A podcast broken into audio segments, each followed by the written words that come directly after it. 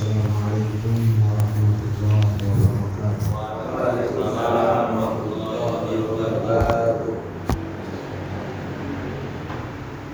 الحمد لله رب العالمين والصلاة والسلام على أشرف الأنبياء والمرسلين وعلى آله وأصحابه أجمعين.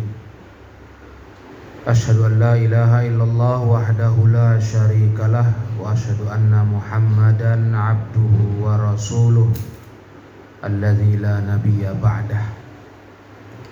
قال الله تعالى في كتابه الكريم يا أيها الذين آمنوا اتقوا الله حق تقاته ولا تموتن إلا وأنتم مسلمون وقال رسول الله صلى الله عليه وسلم فإن أصدق الحديث كتاب الله وخير الهدى هدى محمد صلى الله عليه وسلم وشر الأمور محدثاتها فإن كل محدثة بدعة وكل بدعة ضلالة وكل ضلالة في النار أما بعد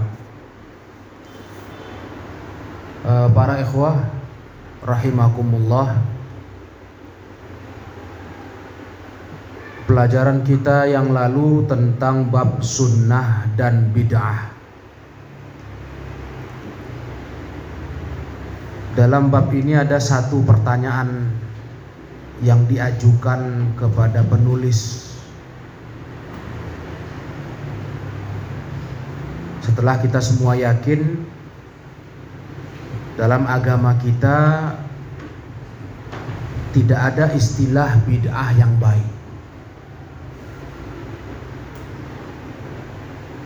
Yang ada amalan itu hanyalah sunnah sunnah artinya segala yang datang dari Rasulullah Sallallahu Alaihi Wasallam. Sedangkan yang tidak datang dari Rasulullah dari agama ini maka itu bid'ah, bid'ah yang dolalah sesat. Tidak ada yang baik. Maka di pertanyaan yang berikut ini ditanyakan kepada penulis mata yang tasirul muslimuna. Kapan? Kapan umat Islam akan ditolong Allah?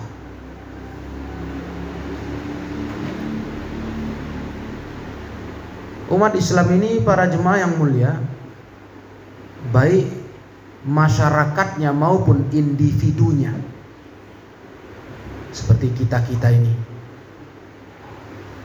Ini hidup kita tak pernah merasa butuh, tak pernah merasa tak butuh kepada Allah Ta'ala. Selalu butuh.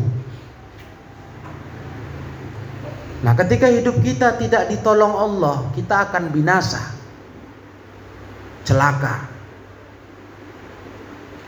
Maka mencari pertolongan Allah Ta'ala itu adalah satu keharusan di hidup manusia.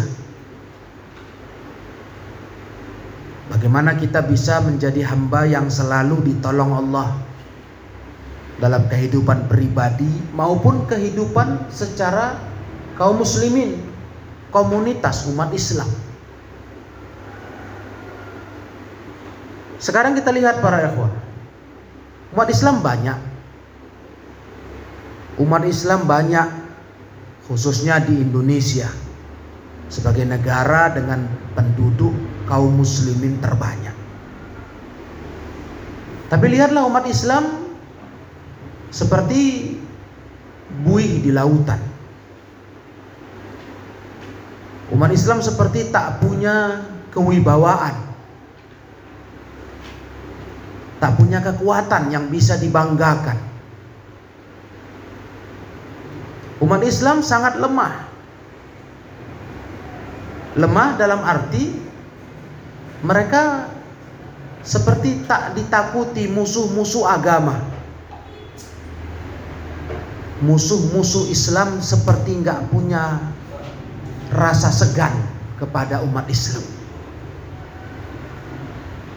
Kita dengar belakangan ini kaum muslimin yang mulia banyak orang yang terus menyerukan bagaimana kita mestinya menjadi umat yang mulia.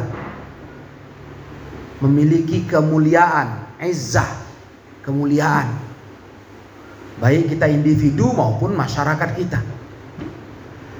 Nah, ini berikut ini akan kita lihat jawaban dari beliau. Bagaimana caranya supaya umat Islam itu ditolong Allah? Kita menjadi hamba-hamba yang tidak dibiarkan Allah begitu saja, tapi ditolongnya. Umat Islam yang ditolong, dibantu, dimuliakan. Kan terasa hina kali kaum muslimin kalau kita mau sadar. Hina kali Ketika umat Islam itu banyak malah seperti tak punya kewibawaan. Tak ada, tak ada keistimewaan. Berikut ini beliau jawab. Yantasirul muslimuna idza raja'u ila tatbiqi kitabi rabbihim. Umat Islam itu akan ditolong Allah. Akan ditolong Allah taala kalau mereka mau kembali menerapkan kitab Rob mereka, menerapkan Al-Quran dalam kehidupan. Jadi masalah katanya umat Islam, kaum muslimin khususnya Indonesia. Indonesia kan identik umat Islam. Kita paling terbanyak. Hah?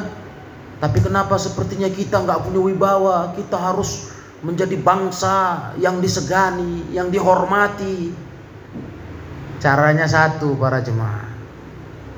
Masyarakat Indonesia ini khususnya kita umat Islam harus mau kembali untuk beragama dengan kitabullah.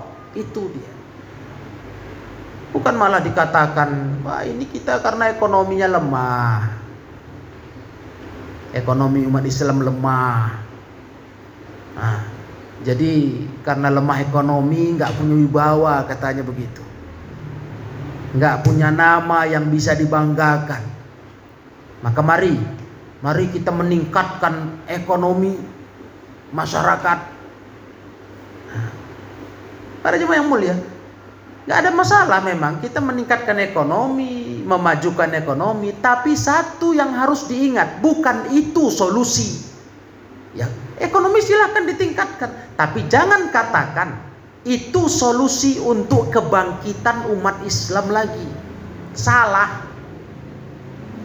Pasti. Saya berani berkata orang nggak beragama, nggak ngerti Islam yang berpikir kelemahan umat Islam hari ini saat ini khususnya bangsa Indonesia ini karena faktor ekonomi sah dia nggak tahu agama Bukan masalah ekonomi para jemaah yang mulia. Karena masalah kita jauh dari Islam. Kita jauh dari menerapkan kitabullah, dari menegakkan wasunnati nabiyihim, sunnah Rasulullah SAW. Berislam main-main masyarakat ini. Para jemaah biar tahu. Main-main. Bukan ucapan yang terkesan memalukan. Biasa orang berkata, aku Islamku cuma KTP. Biasa itu.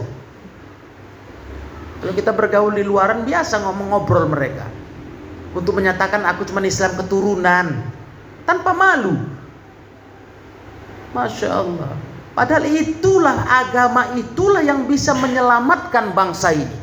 Ketika umat kembali kepada kitabullah dan sunnah Rasulullah Sallallahu Wasallam, Allah akan tolong. Bukan dengan kita sibuk memajukan ekonomi, menggebrak lapangan kerja, menciptakan agar masyarakat kita bisa kaya, bisa tak miskin. Bukan itu masalahnya jemaah yang mulia.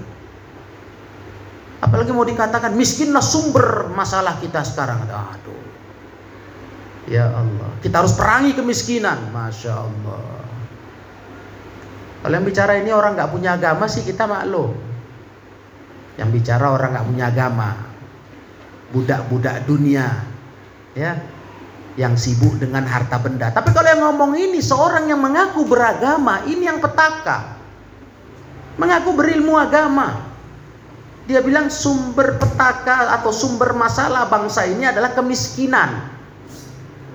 Bukan cuma sumber utama malapetaka yang menimpa bangsa ini kenapa? Masyarakatnya jauh dari agama.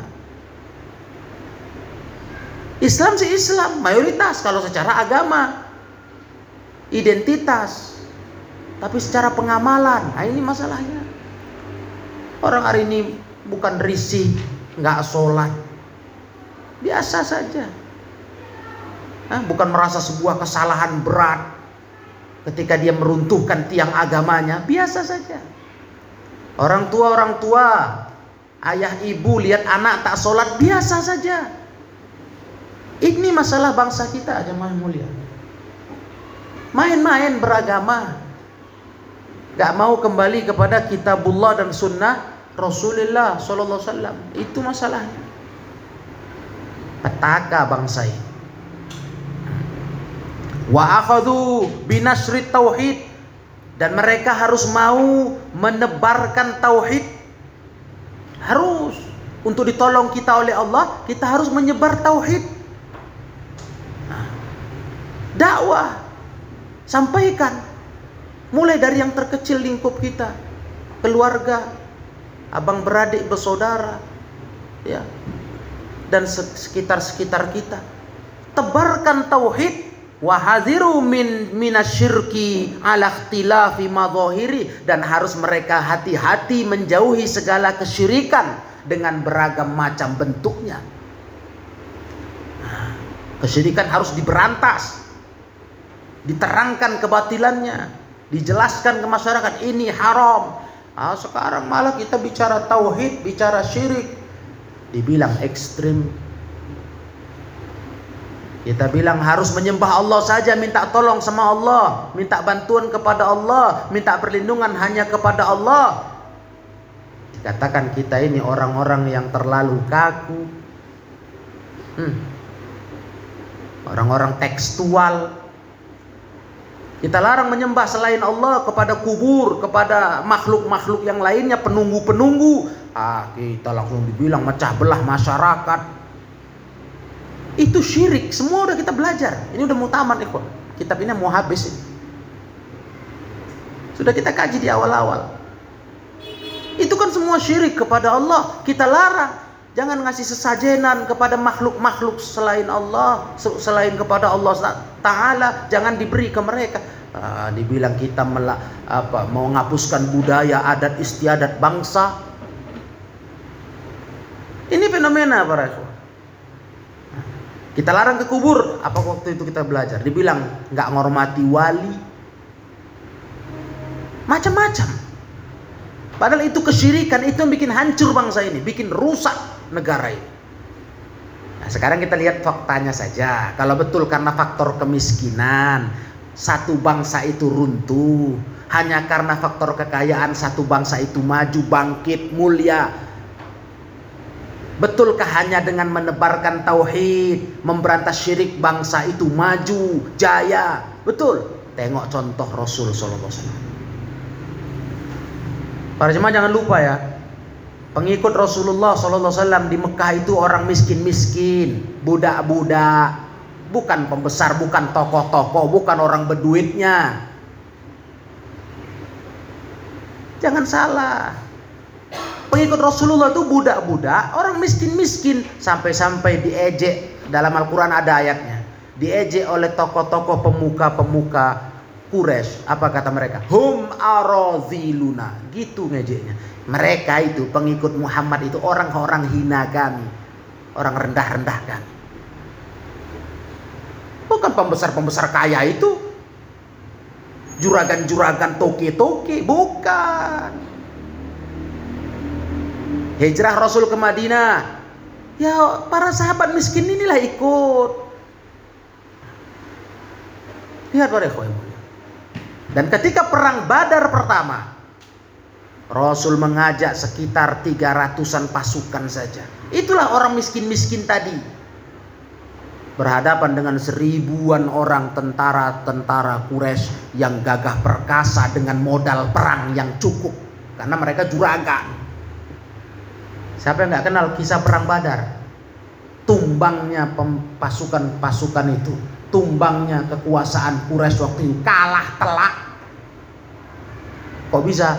Ditolong Allah. Kenapa? Nabi mengajak kepada tauhid, memurnikan la ilaha illallah, memberantas syirik, ditolong Allah. Intinya ditolong Allah. Kalau bandingannya nggak banding, udah jumlah kalah, perlengkapan kalah, modal kalah waktu perang Badar itu. Jumlah kalah 300, 1000 bandingannya. Tiga banding satu. Modal apalagi Rasul miskin, sahabat miskin-miskin. Hmm. Sampai diejek mereka. Tumbang, mati banyak. Pulang kampung ke Mekah. Kalah. Nah ini maksudnya saya kasih contoh biar para jemaah ngerti. Artinya biar paham. Bagaimana cara hidup ini biar baik kita. Biar mutu kita lebih lebih tinggi nilai kita. Lebih dihargai kita. Ah dengan cara ini beragama yang betul lah. Masyarakat ini kalau betul mau baik, bangsa ini kalau mau baik, tidak ada lain caranya, bukan sibuk genjot ekonomi ya, itu sekedar manis lidah saja itu. Nanti entah siapa yang kaya, yang entah siapa yang entah siapa yang maju ya, bukan rakyat juga. Itu servis cakapnya hebat itu. Katanya demi rakyat, demi masyarakat, padahal tidak. Karena inti mau baik masyarakat ditolong Allah, caranya tegakkan kitabullah, sunnah Rasul, sebarkan tauhid, peringatkan dari kesyirikan. Nah, makanya saya sering kali berkata para jemaah di berbagai kajian-kajian, saya bilang, jangan sepelekan majelis ilmu, jangan kecilkan apa, cuma urusan kalian taklim belajar sunnah bid'ah, syirik, tauhid. Jangan kecilkan. Inilah dia modal untuk memperbaiki bangsa. Saya gitu kan. Nah, kalian yang duduk bi mikir bisnis, mikir duit pagi, sore, malam, bukan itu cara nolong bangsa ini. Atau kalian yang rapat-rapat dengan segala teori-teori yang kalian laga di majelis rapat itu demi katanya untuk rakyat, bukan itu. Tapi ini dia mengajarkan umat tauhid mengajarkan umat sunnah, memperingatkan umat dari syirik dan bid'ah. Inilah dia. Makanya kalau ada orang sibuk nanya, apa andil kalian? Katanya kalian cinta Islam, kalian mau memperjuangkan Islam. Apa andil kalian? Kok nggak ada kalian turun-turun ke, ke jalan, demon misalnya, demonstrasi, angkat bendera, menjerit-jerit takbir-takbir. Kok nggak ada? Karena bukan itu caranya. Kita kan berjuang ini kan para jemaah ada ada standar ya kan. Ada tolak ukur kan. Ada yang mau kita ikut. Kita ikut yang berhasil. Siapa? Rasulullah. Tengok keberhasilan sampai sekarang. Islam menyebar di seluruh dunia. Dari mana itu dimulai? Ya dari dakwah tauhid lah. 13 tahun di Mekah. 13 tahun. Pelan-pelan Nabi ngajarkan orang la ilaha illallah. Maknanya apa? Bukan sebentar baru pindah ke Madinah. Jangan lupa cikal bakal Islam ini bisa ada sampai seluruh dunia, seluruh pelosok dunia. Ya dari situlah mulainya. Ah, jemaah ini dilupakan oleh orang-orang sekarang ini yang katanya mau cinta Islam, mau memperjuangkan Islam. Dilupakan mereka ini, malah mereka antipati, sibuk ngajar umat dengan dakwah tauhid ini ah kayak nggak efektif katanya. Saya tegaskan ke siapa pun juga. Ingat, semua perjuangan yang kita lakukan untuk Islam ini dan untuk diri kita khususnya itu bisa berhasil kalau ditolong Allah. Jangan lupa itu. Nggak ditolong Allah, nggak ada usaha siapa pun bisa bisa berhasil. Kalau nggak ditolong Allah. Nah, contoh, ketika Allah marah kepada sahabat perang Uhud, itu kan udah menang, udah di atas angin kan, udah mundur pasukan, Mekah musyrikin mundur. Tapi mereka melanggar larangan Nabi. Nabi jangan larang, jangan kalian turun gunung. Pasukan berpanah tergoda karena ditengok di bawah gunung berserak rampasan perang, tinggal panen ini. Musuh udah mundur. Karena mereka bermaksiat, melanggar larangan Nabi. Nah, berbalik. Ternyata musuh mundur itu untuk balik lagi menyerang ketika mereka sudah turun gunung, kocar kacir, hampir Rasul pun tewas. Bayangan pada Itulah marah Allah kalau sudah kita melanggar agama. Allah nggak tolong. Padahal waktu itu udah di atas angin. Oh, udah di atas angin. Perang Uhud, perang Hunain. Hmm. Sampai ayat turun di Al-Qur'an. Id kathratukum. Perang Hunain itu kalian merasa kagum dengan banyak jumlah kalian kata Allah. Banyak pasukan Islam sampai antar pasukan itu dalam sirah saling bisik-bisik. Wah, kita nggak akan kalah ini. Karena mantap kali jumlah banyak. Allah buktikan penentu kemenangan bukan jumlah, bukan persenjataan, bukan tapi pertolongan Allah. Kalah kaum muslimin perang Hunain. Kalah telak. Ini para jemaah. Jadi semua dengan pertolongan Allah. Kalau udah metodenya nggak sesuai dengan mau Allah memperjuangkan agama ini, bagaimana ditolongnya? Bagaimana mau ditolongnya? malah kita jauhi pula jalan yang mengantarkan kita kepada kemenangan itu jalan Allah malah kita malas belajar tauhid ngajar tauhid ah nggak usah lah itu itu nanti menyinggung masyarakat katanya itu nanti bertentangan dengan adat istiadat bangsa Indonesia. Kita ini kan Islamnya beda sama Islam Arab kata mereka. Jadi Islamnya apa? Islam Nusantara. Aduh. Emang luar biasa, nggak berhenti berhenti mereka menebar kesesatan. Nggak laku satu model bajunya diganti model lain. Ini kerja mereka terus ya. Ini yang bikin hancur bangsa ini, bikin rusak bangsa ini, bikin lemah, nggak ditolong Allah tabaraka wa taala. Nah makanya Umar bin Al Khattab menulis surat kepada para pasukan perang panglima perangnya ketika mereka dikirim keluar kota. Umar menulis surat Pesan Umar apa? Kalian jangan maksiat sama Allah ya. Kalian bisa menang, kita selama ini menang ditolong Allah. Nah, kalau nggak ditolong Allah, mau senjata kayak mana pun kita punya para jemaah yang mulia. Kekuatan sebesar apa pun kita punya, kalau Allah nggak tolong kalah. Ya daya upaya manusia apa sih? Apa sih daya upaya kita kalau bukan karena ditolong Allah? Makanya ucapan yang selalu kita ingat apa? La haula wala quwata illa. Masa nggak ngerti artinya? Mungkin dia ngucap aja mungkin dia. Tak tahu artinya dia. Nanti dibilang nggak tahu artinya marah karena sangat mudah artinya kan. Tapi nggak paham dia bahwa tiada daya upaya dan kekuatan kecuali hanya dari Allah, milik Allah.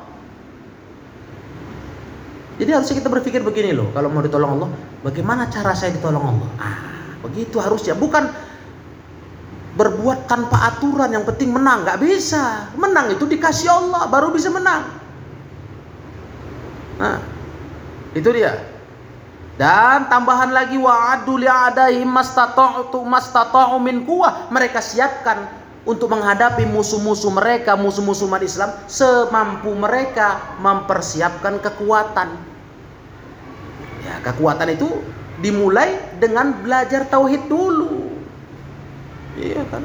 Itu dulu. Maka tiga pilar dakwah Rasul yang pernah saya sampaikan ke ikhwah dari Syekh Muhammad bin Jamil Zainu juga dari kitab lain. Bagaimana Rasul bisa membuat Islam ini berjaya? Yang pertama tauhid itu yang pertama. Itu yang beliau terus tanamkan, beliau benahi akidah manusia yang rusak berantakan selama itu. Nah, ketika pembenahan tauhid sudah selesai, baru beliau memasuk tahap kedua, tahap ukhuwah, persaudaraan. Dipersaudara, dipersaudarakan beliaulah para sahabat muhajirin ansor. Kabilah-kabilah Aus dan Khazraj itu dua kabilah besar. Perang aja sepanjang hidup mereka. Turun menurun. Nah, anak, cucu semua perang aja. Masuk Rasulullah ke Madinah dipersatukan dengan Islam. Dua kabilah besar Aus dan Khazraj jadi tahap Madinah tahap mempersaudarakan umat Islam. Nah, bagaimana mempersaudarakannya? Kalau sekarang kita pahamlah tahap tauhid yaitu kajian, dakwah. Tahap mempersaudarakannya caranya mempersaudarakan di atas kebenaran, di atas sunnah. Kayak sekarang ini, apa yang bersaudara umat Islam? Coba lu para jemaah jujur-jujur berpikir. Yang satu kelompoknya bilang Allah di mana-mana. Hah? Satu bilang Allah menyatu sama kita. Di mananya kita bersaudara kayak gitu? Di mana kita bersaudara? Keyakinan kita aja udah nggak karu-karuan beda-beda. Satu bilang Allah nggak punya sifat. Hanya cuma nama Allah tapi tak ada sifat, tak ada bentuk. Nah, coba lah. Nah, ya Allah ya Rob, kayak mana ini? Inilah fakta umat ini. Nah, kita harus bersaudara di atas al di atas sunnah, satu persepsi agama yang diwariskan Nabi. Itu yang kita usahakan sekarang. Tapi kita malah dibilang mecah belah. Dakwah kalian dakwah pecah belah aja. Nyalahin orang. Bukan. Bukan nyalah-nyalahin orang. Kita mau ngajari kebaikan, kebenaran kepada semua manusia. Khususnya umat Islam ini biar bersatu kita. Karena untuk bisa berjuang membela Islam itu tahapnya harus bersaudara dulu. Gimana mau saudara? Tiap kelompok, tiap pemikiran, tiap tokoh, tiap ustadz, tiap gerakan beda-beda. Ampun lah, gimana mau saudara? Udah apa katanya istilah itu? Uh, Abaikan saja perselisihan di antara kita. Kita cari persamaan, kita bersatu. Bagaimana mau diabaikan? Kalau perselisihan masalah sholat, bolehlah. Masalah fikih, bolehlah kita abaikan. Kita lapang dada.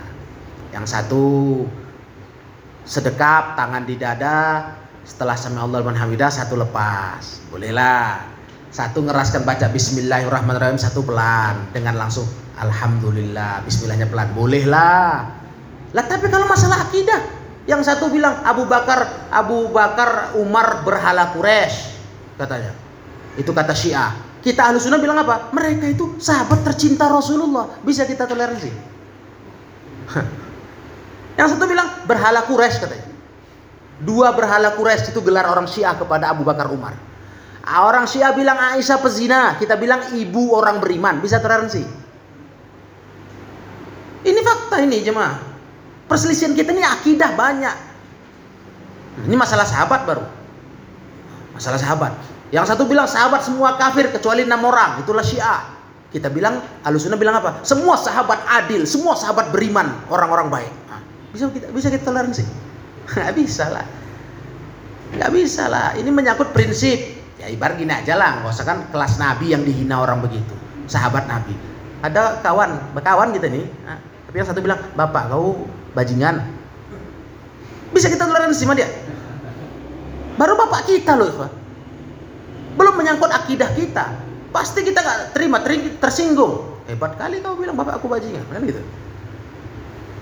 Tak bisa kau berkawan sama kau nih, berantem yang iya Nah kan itu. Nggak terima lah kita. Ini Nabi dihinakan, istri dihinakan, sahabat dihinakan. Itu contoh Syiah Eh, itu sekarang bertebar ini di masyarakat kita. Dijadikan tokoh-tokoh pula lagi. Masuk ke pemerintahan syiah-syiah itu. Astagfirullah. Tapi dia pandai. Nggak terang-terangan, nggak transparan, nggak frontal. Nah, terus ditebar ke kita, udah kita abaikan perbedaan, kita pandang kesamaan, kita bersatu umat Islam. Bagaimana caranya bersatu? Bagaimana mau diabaikan? Nggak bisa. Ibarat minyak sama air. Abaikan saja lah yang satu minyak satu air. Pokoknya satukan aja lah. Bersatunya itu. Tapi kapan mau bersatu minyak sama air? Satu botol pun dia dikocok ratusan jutaan kali. Nggak bersatu dia. Jangan diabaikan. Memang dia nggak bisa bersatu. Al-haq wal batil nggak bisa bersatu. Syirik tauhid nggak bisa bersatu. Sunnah bidah nggak bisa bersatu. Itu para jemaah. Jadi sebenarnya dakwah kita ini bukan dakwah mecah belah. Karena masyarakat udah pecah belah ini. Udah macam-macam kelompok beda-beda. Lain-lain. Hmm. Panjang lah kalau kita urai itu bisanya dengan ngaji terus lah. Kalau diurai langsung satu majelis nggak cukup-cukup. Banyak kali. Di kepala masyarakat kita ini, di kepala ustadz-ustadz tokoh-tokohnya entah apa-apa ini sekarang. Masalah akidah, oh, dah ngeri kita bayangkan yang nggak pandai gitu. Nah, jadi begitulah jemaah yang mulia. Persaudaraan itu tahap kedua setelah tauhid persaudaraan. Baru yang ketiga jihad. Itu baru cerita perang, menegakkan Islam, negara Islam. Itu tahap ketiga. Lah ini tahap pertama pun nggak beres-beres di umat ini. Malah diperangi, dimusuhi dakwah tauhid ini. Oh, habislah gelarnya nauzubillah yang kita ajak baiknya apa lagi salahnya berdoa sama Allah saja oh nggak bisa kita harus lewat wali-wali kubur-kubur tuh harus dihormati Dibilang kita kalau udah ngajak berdoa kepada Allah saja ya, jangan pakai perantara. Ah, dibilang lah ini ekstrim, ini wahabi, ini macam. Dikasih gelar. Padahal harusnya dihadapi dengan ilmu kan. Nah, pakai ilmu lah ngadapinya, bukan pakai nafsu. Nah, Lihat firman Allah Ta'ala. Bukti harus kita beragama yang benar baru ditolong Allah. Allah berfirman. Ya ayuhalladzina amanu intan surullah yansurkum wa yusabbit aqdamakum. Hai orang-orang yang beriman kalau kalian menolong Allah, Allah tolong kalian. Nah, bagaimana cara menolong Allah? Itu tadi. Cara menolong Allah tegakkan agamanya. Agama yang benar sesuai Quran Sunnah. Itu cara menolong Allah. Dakwahkan tauhid, perangi syirik, ajak sunnah, perangi bid'ah, itu menolong Allah. Kalau kalian tolong Allah, Allah tolong kalian, baru Allah tolong kita. Baru masyarakat Islam ditolong. Makanya kita sekarang ikhwah, yang penting kita berjalan sesuai dengan kemampuan kita lah menyebar dakwah tauhid ini. Gitu aja lah. Karena kalau untuk langsung idealis melibatkan semua elemen masyarakat dakwah tauhid nggak bisa. Ya sekarang bisa kita apa? Ada kesempatan kita bicara dakwah tauhid, ngaji, kita lanjutkan sampai kita mati. Itu yang bisa kita buat, sematas kemampuan kita. Itulah bisa kita. Nah, macam antum, ajaklah keluarga, siapa yang bisa diajak cakap, bisa dinasihati, dikasih ilmu tauhid aja. Ya mana bisa kita? Yang penting kita nggak diem atau nggak malah berbalik mundur meninggalkan metode Nabi, ikut dengan metode-metode lain. Nggak ada pernah berhasil itu. Yang bagi kita yang penting kita mati nanti dibangkitkan Allah, enak pertanggungjawaban umur kita. Dulu hidup kau untuk apa? Habis ke mana umurmu? Enak. Ya Allah, aku habis kepada ngaji, belajar agamamu. Atau aku mengajarkan ilmuku tentang agamamu. Enak. Jangan dikejar-kejar kayak targetnya mereka. Sampai kapan Islam akan berjaya di Indonesia? Kau jangan sibuk nanya sampai kapan bilang. Cara untuk mendapatkan kejayaan saja belum kau mulai. Bagaimana kau tanya sampai kapan? Hah? Sama kayak orang ngisi bak. Sampai kapan penuh? Kerannya nggak hidupnya. Kau normal wajar waras tidak? Hidupkan dulu keran baru kau tanya sampai kapan penuh. Udah jalan kerja dia ngisi. Lah ini belum hidup keran. Terus kau protes sampai kapan penuh? Ya nggak penuh-penuh sampai kiamat. Begitu kan? Nah, sampai kapan Islam ditolong? Sampai sama sampai kapan negara Islam tegak? Aduh, kau jangan muluk-muluk cerita itu. Sekarang kau lakukan dulu tahapan-tahapan untuk Islam ditolong Allah. Nah, itulah tahapannya. Udah kau dakwah kepada tauhid, dirimu udah bertauhid. Yang lucunya Eko ini ya, Allah. Keluar-keluar negara Islam. Nah, dikalung di leher pakai jimat. Dia berkor-kor ini negara Islam harus tegak, khilafah. Di kalungnya ada jimat. Astagfirullahaladzim. Jimat haram syirik. Kau aja melepas syirik nggak pandai melepaskan syirik. Terus kau bilang pula negara Islam harus tegak di Indonesia. Di leher kau itu apa? Oh ini penangkal ini jimat. Astagfirullahaladzim. Gimana ya kau Ini fenomena loh ini. Katanya pejuang Islam. Hmm pembela Islam ada buat laskar-laskar apa gitu laskar apa buat nama ya kan buatkan ah boleh lah itu contohnya buatkan buatkan rompi-rompi mantap kan ada seragam orang gitu-gitu sukanya tuh buat seragamnya rompinya udah ada acara mah duduk rame-rame ngapain mau memperbela Islam udah membela Islam di Indonesia biar jaya Islam eh di kalungnya di leher ada kalung jimat di gelangnya ada jimat. Apa itu? Nah ini apa? Ini penangkal aja ini. Astagfirullahaladzim. Syirik besar tak sanggup dia lepas darinya. Dia mau cerita bela Islam. Ini fenomena fakta. Nah, jadi kita ngaji seperti ini tujuannya untuk itu agar antum ikhwah sekalian bisa beda lah dengan kondisi yang ada di zaman kita ini. Jadi kehancuran umat Islam sekarang di Indonesia ini khususnya karena agama ditinggalkan. Agama ditinggalkan sesuai Quran Sunnah. Tauhid ditinggalkan, sunnah diabaikan, syirik bid'ah merajalela. Di mana-mana. Nah, Allah juga berfirman wa'adallahu alladzina amanu minkum wa amilus solihati la yastakhlifannahum fil ardi kama stakhlafal ladzina min qablihim. Wa la yumakkinanna lahum dinahum alladzi lahum. Wa la yubaddilannahum min ba'di khaufihim amna. Ya'budunani wa la la yusyrikuna bi syai'a uh, ayat ini luar biasa ini An-Nur ayat 55 Allah menjanjikan lihat janji Allah Tentu kita nggak ragu kan? Yang berjanji Allah. Allah menjanjikan orang-orang yang beriman di antara kalian dan beramal soleh. Perhatikan. Orang beriman, beramal soleh. Beriman berarti bertauhid. Ya kan? Udah belajar kita. Beriman berarti bertauhid, jangan syirik. Beramal soleh berarti amal sunnah, bukan bid'ah. Kalau nggak mana soleh amalan kalau nggak sesuai sunnah. Betul nggak? Udah lewat kajiannya. Amal itu kan baru baik kalau kita beramal dengan sunnah. Kalau beramal salah salah salah salah itu ya nggak nggak soleh namanya. Amal juga tapi nggak soleh. Hmm, bukan amal soleh itu. Jadi orang yang beriman beramal soleh Allah janjikan apa janji Allah? Layas nahum fil ardi Allah jadikan mereka khalifah di muka bumi.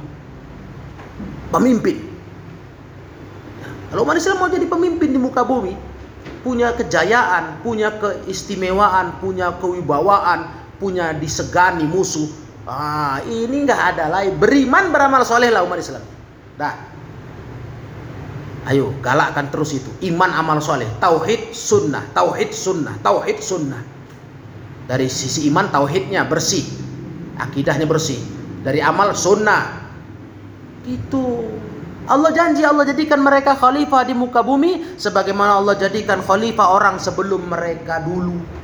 Iya, dulu Islam berjaya di masa Nabi khalifah yang empat. Karena apa? Iman dan amal soleh orang-orangnya dalam memperjuangkan Islam. Siapa gak kenal iman sahabat, amal soleh sahabat? Maka Islam jaya di tangan mereka. Kan buktinya udah nyata. Ini semua kita sekarang nih. Ini berkah dakwah siapa? Dakwah mereka lah. Nabi dan sahabat kan? Kok dilupakan itu? Bisa menyebar Islam seperti ini di, di seluruh pelosok negeri, negara, itu karena barokah dari dakwah Nabi dan sahabat. Dan itu semualah yang bikin Allah menolong kita, menolong mereka. Jadi janji Allah, kalau mau jadi khalifah di muka bumi, kalau mau wala yumakkinanna lahum dinahumul ladzi lahum Allah kokohkan untuk mereka agama yang Allah ridhoi bagi mereka. Kalau mau Islam ini jaya, kokoh, tinggi di atas agama lain. Mau begitu? Tidak ada lain, tidak ada bukan kecuali mereka menjadi orang-orang yang menyembah Allah. Lihat, Allah akan ganti setelah takut mereka rasa aman. Nah, mau seperti itu? umat Islam mungkin merasa mencekam hidupnya takut gelisah nggak tentram goyang dan sebagainya mau diganti Allah dengan rasa aman rasa nyaman rasa tentram seperti yang dirasakan sahabat dulu setelah menang mereka Fatu Mekah Mekah kalah oh tenang betul hati mereka dalam berislam caranya Allah terangkan di ujung ayat ya'budunani tuh lihat Beramal soleh tadi kan, beriman beramal soleh. Harus menyembah Allah saja. La yusriku nabi syai'a. Jangan buat syirik. Nah. Makanya dakwah tauhid ini ikhwan. Jangan pernah berhenti. Diperangi pun, dimusuhi pun terus saja. Karena pasti ini yang kerjaan syaitan ini memusuhi, memerangi dakwah tauhid itu kerja syaitan. Kalau kerja manusia berakal, dia akan terima dakwah tauhid ini. Itu kerja syaitan dan para sekutunya dari kalangan syaitan manusia, syaitan jin dan manusia kerjasama, kolaborasi. Mau menghalang dakwah tauhid, mau menghalangi manusia belajar agama. Pokoknya lihat kajian tauhid ini panas hatinya. Uh, gerah. Takut kali, apalagi ditengoknya kitabnya kitab-kitab ulama ahli sunnah Wah, dibacanya. Ah ini kitab ulama Wahabi, Saudi Wahabi, habis dicaci maki. Nah, adalah itulah model mulut-mulut mereka itu. Musuh kali kayaknya sama Saudi Arabia, Arab. Tapi umroh ke sana ya. Cari makan di umroh itu, di travel-travel itu ya kan. Itulah kerja mereka mereka. Haji ke sana juga ya dia. Hah? Jadi gitu disumbang sekian triliun sama Raja Saudi mau ketawa-ketawa. Buanglah semua tuh. Jangan terima, jangan berhaji berumroh ke sana semua sumbangan-sumbangan jangan terima. Itu negara negara uh, anti wali katanya. Wahabi dan macam-macam. Enggaknya. Malah berharap kalau bisa Raja Saudi berinvestasi di Indonesia. Nah, berharap ya. Tapi katanya negeri yang yang penuh dengan kesesatan. Hmm. Inilah model kita. Masyarakat kita ini sekarang dirusak otaknya dengan cara begitu.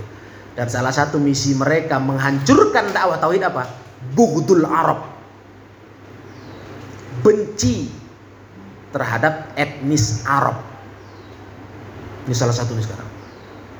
Yang masih terus dikumandangkan ini oleh para orang-orang bayaran ini. Benci Arab. Nah, ngeri ya kan? Bugdul Arab.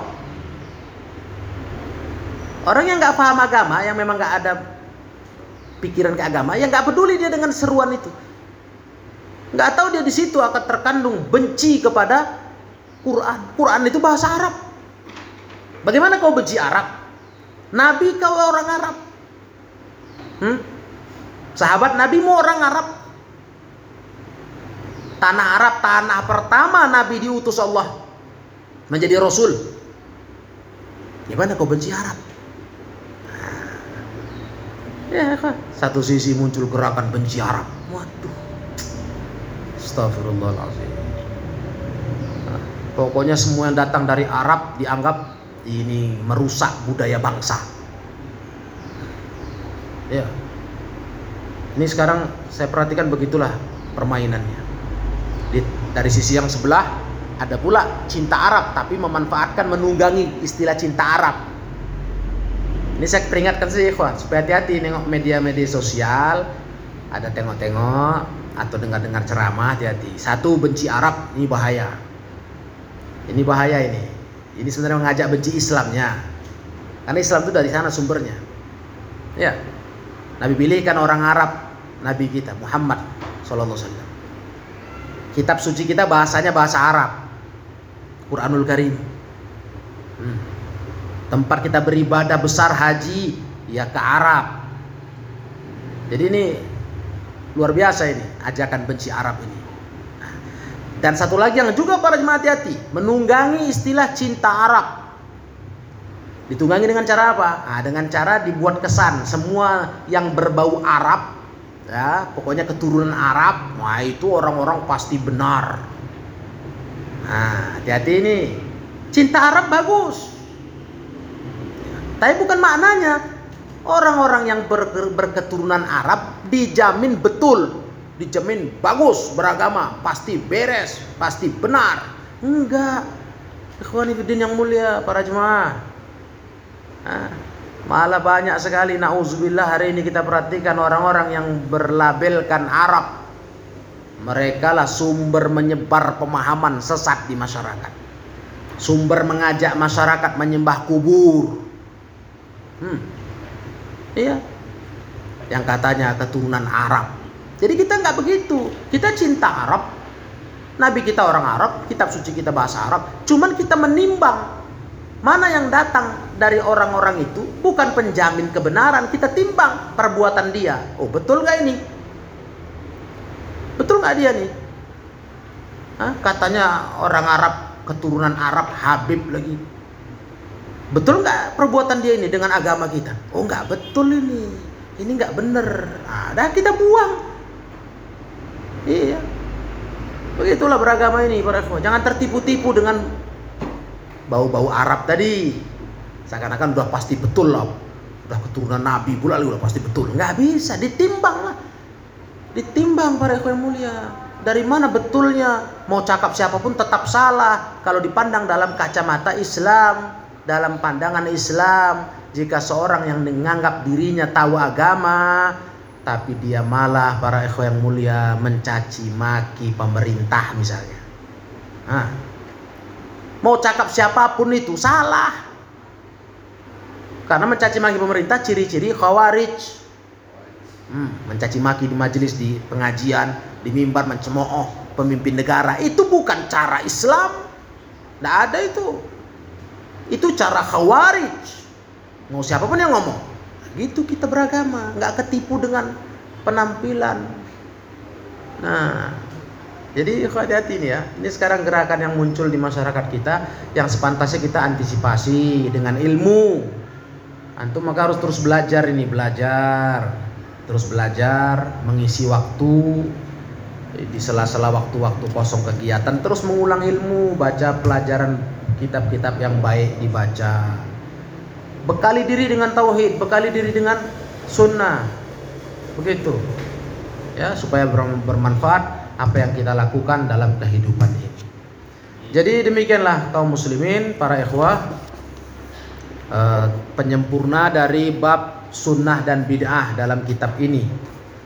Sehingga nanti pertemuan kita yang akan datang insya Allah kita akan mengakhiri kajian kitab ini atau istilahnya menutup kitab ini dengan kajian bab yang terakhir insya Allah jadi bisa tuntas kitab Khud Akidataka dalam kajian yang akan datang insya Allah ta'ala. Nah jadi demikian kita cukupkan. Nah, sebelum saya akhiri tafadhol kalau ada yang mau ditanyakan